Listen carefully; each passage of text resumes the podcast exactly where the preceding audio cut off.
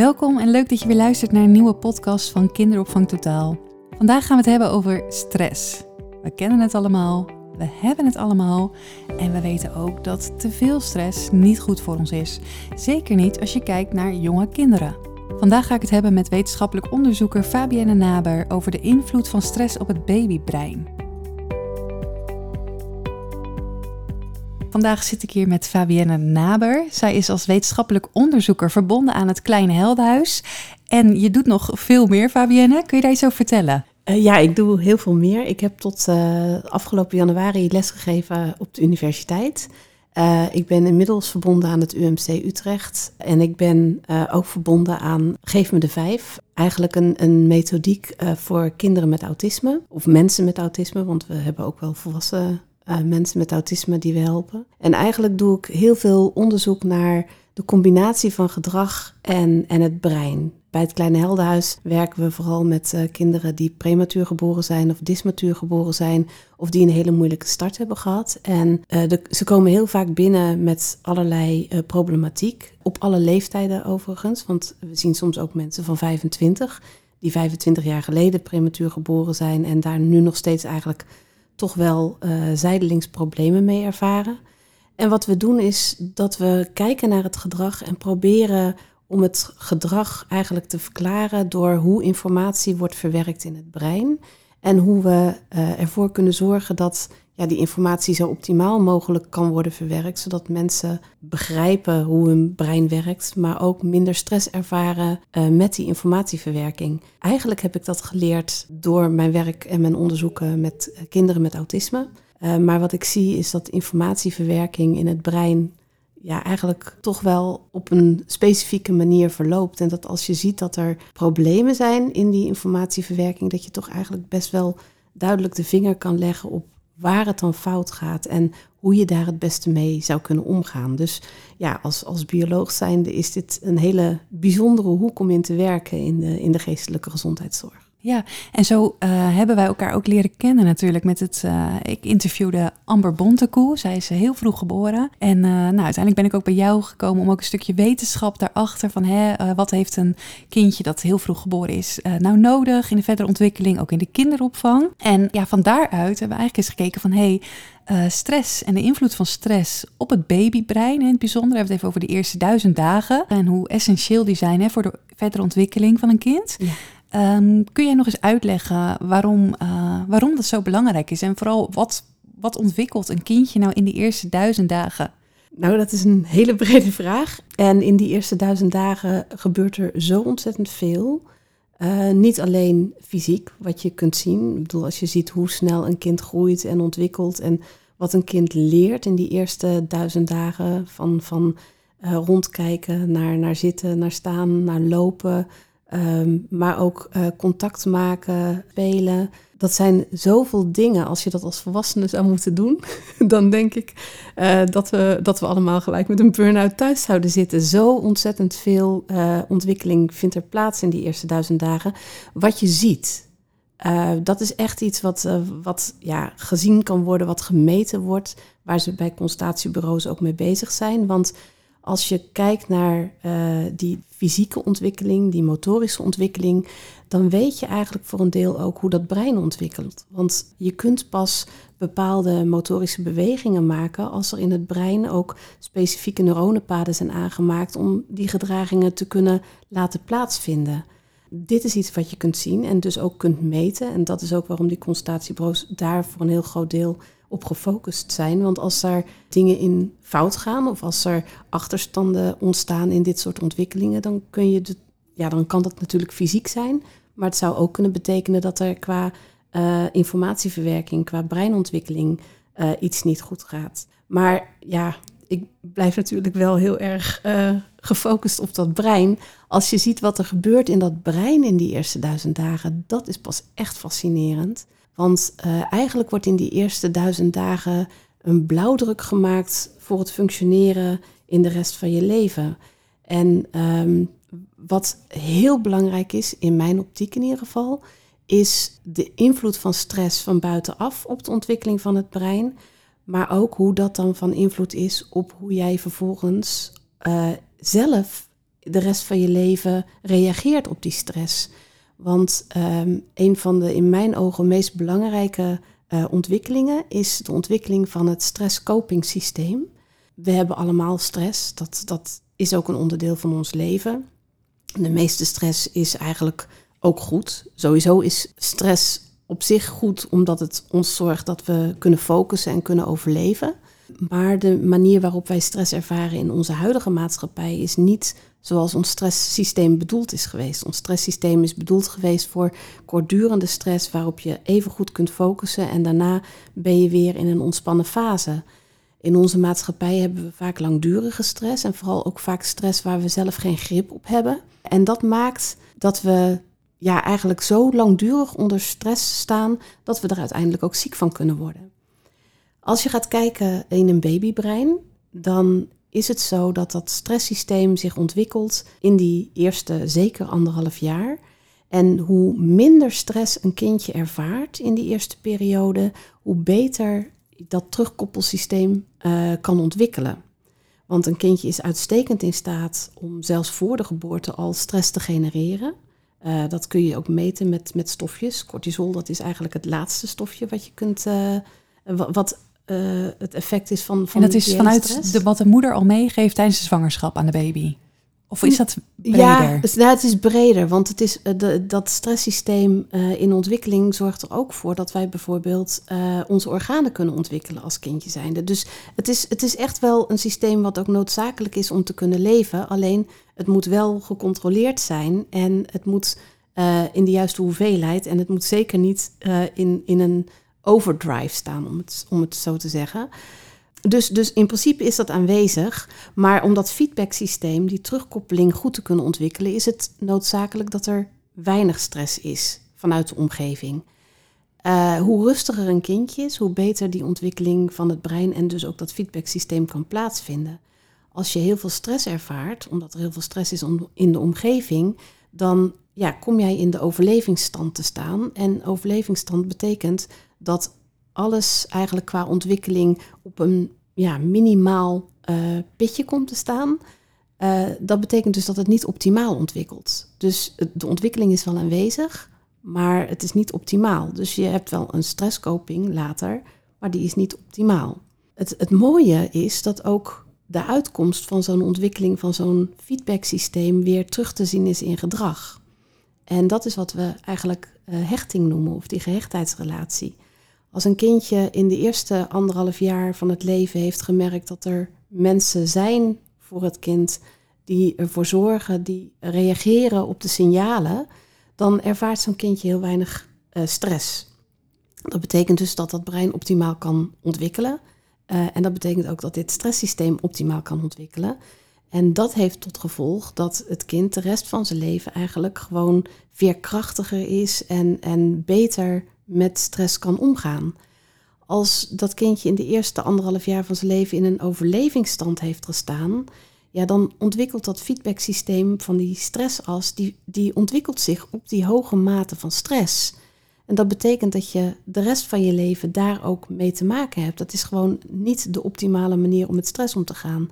Dat is ook waarop we uh, kunnen zeggen dat op latere leeftijd er heel veel ziektes ontstaan, vooral ook mentaal, die gekoppeld zijn aan stress. Het is niet zozeer omdat die stress op dat moment aanwezig is, maar omdat het hele feedbacksysteem en de hele breinfysiologie in de eerste periode al minder optimaal heeft plaatsgevonden.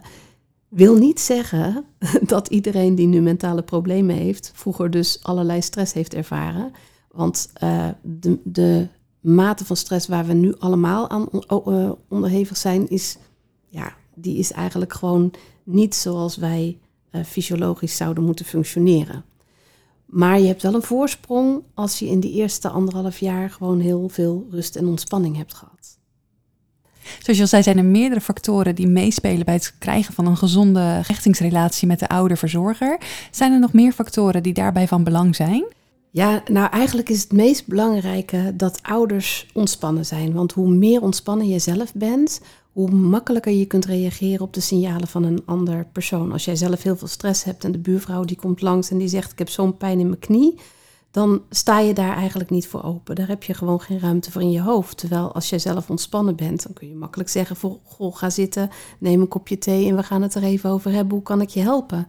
Dus de mate waarin jij zelf in je vel zit, de mate van stress die jij zelf ervaart, is heel erg belangrijk op hoe jij op andere mensen kunt reageren.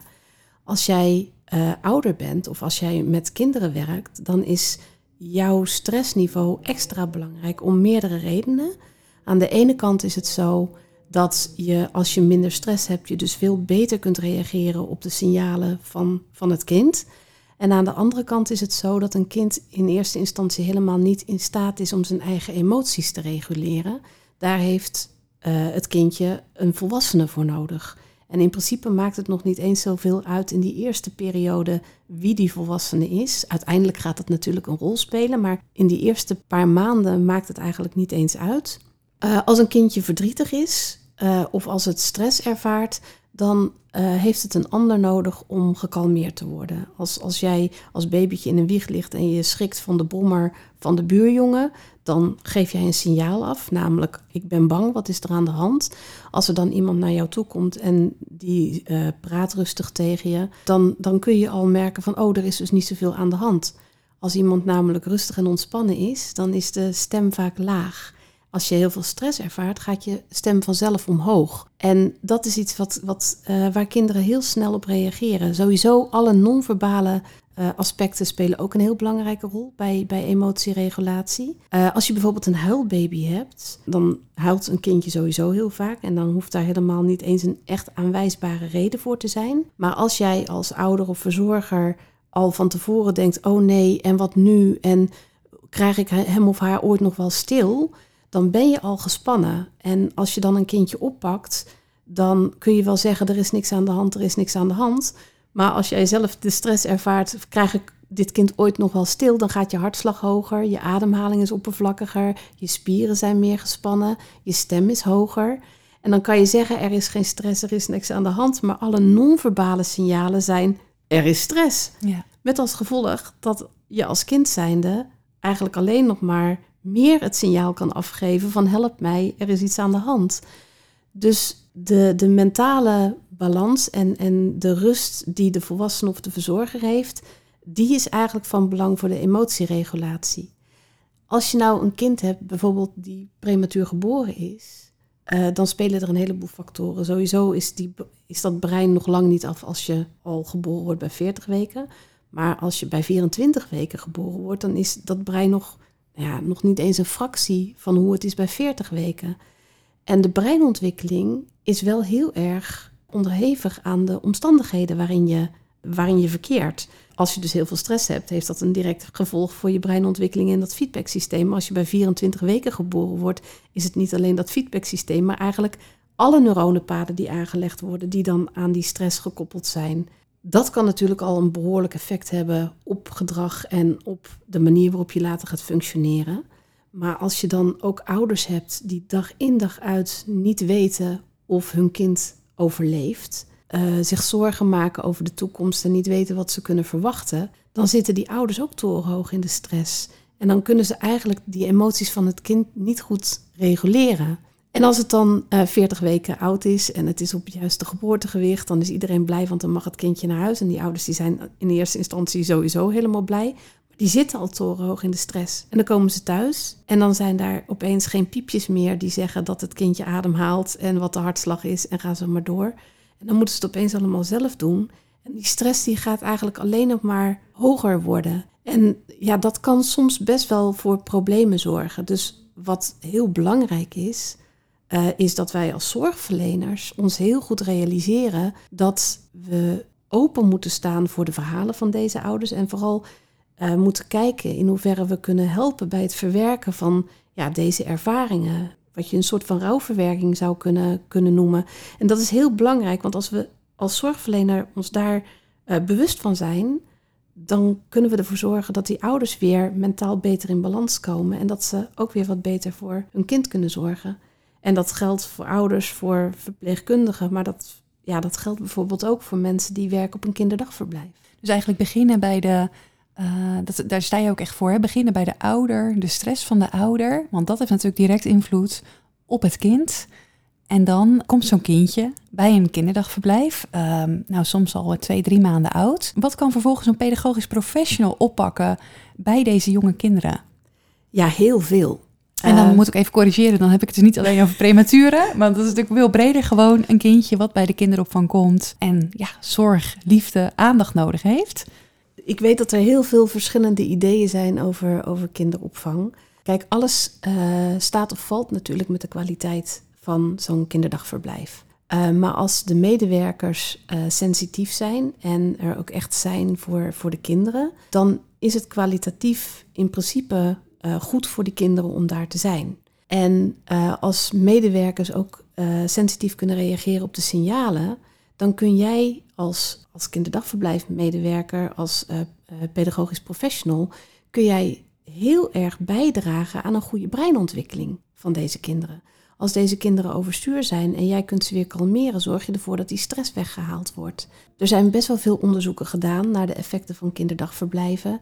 En uit een aantal onderzoeken blijkt dat kinderen best wel wat meer stress hebben op het moment dat ze in een kinderdagverblijf zijn. Dat klopt in principe ook, want je wordt opeens blootgesteld aan een heleboel andere kinderen en die kunnen gaan huilen. En kinderen krijgen stress als andere kinderen huilen. Maar goed, als daar op een adequate manier mee omgegaan wordt, dan haal je die stress weer weg.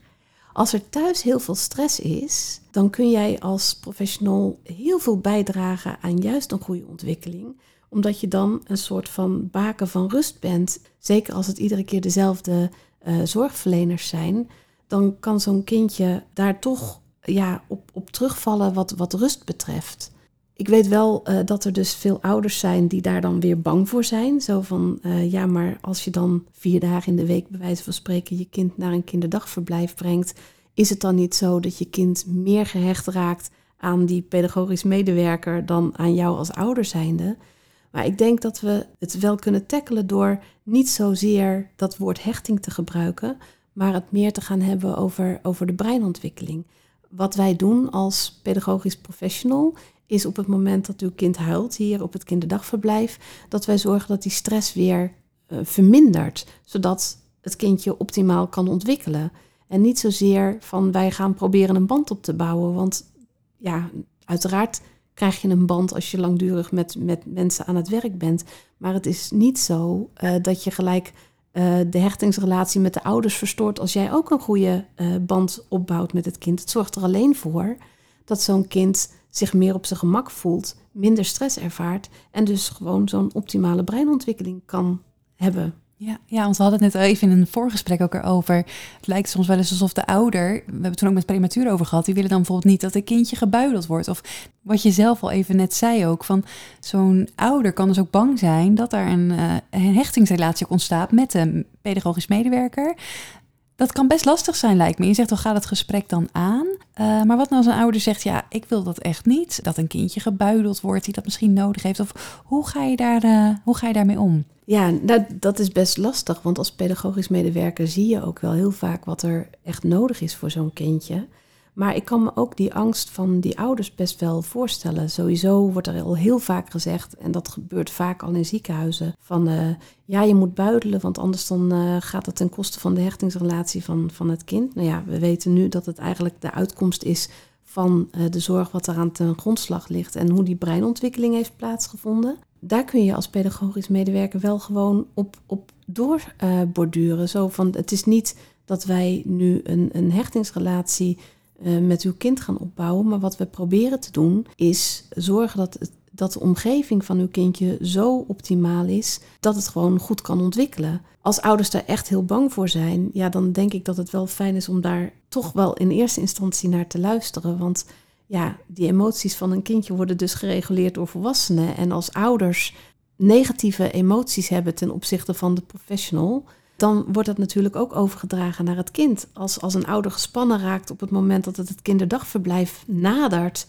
omdat ze bang zijn voor bijvoorbeeld uh, zo'n hechtingsrelatie uh, die, die dan verstoord zou kunnen worden, ja, dan leert het kindje, oh, op het moment dat ik naar een kinderdagverblijf ga, is dat dus eigenlijk niet oké. Want het zijn die non-verbale signalen die zo'n kindje meekrijgt. Dus wat er eigenlijk gedaan moet worden, is geprobeerd om te investeren in een zo goed mogelijke relatie, wederom met de ouders, zodat ouders zich op hun gemak voelen, zodat ouders zich gehoord voelen.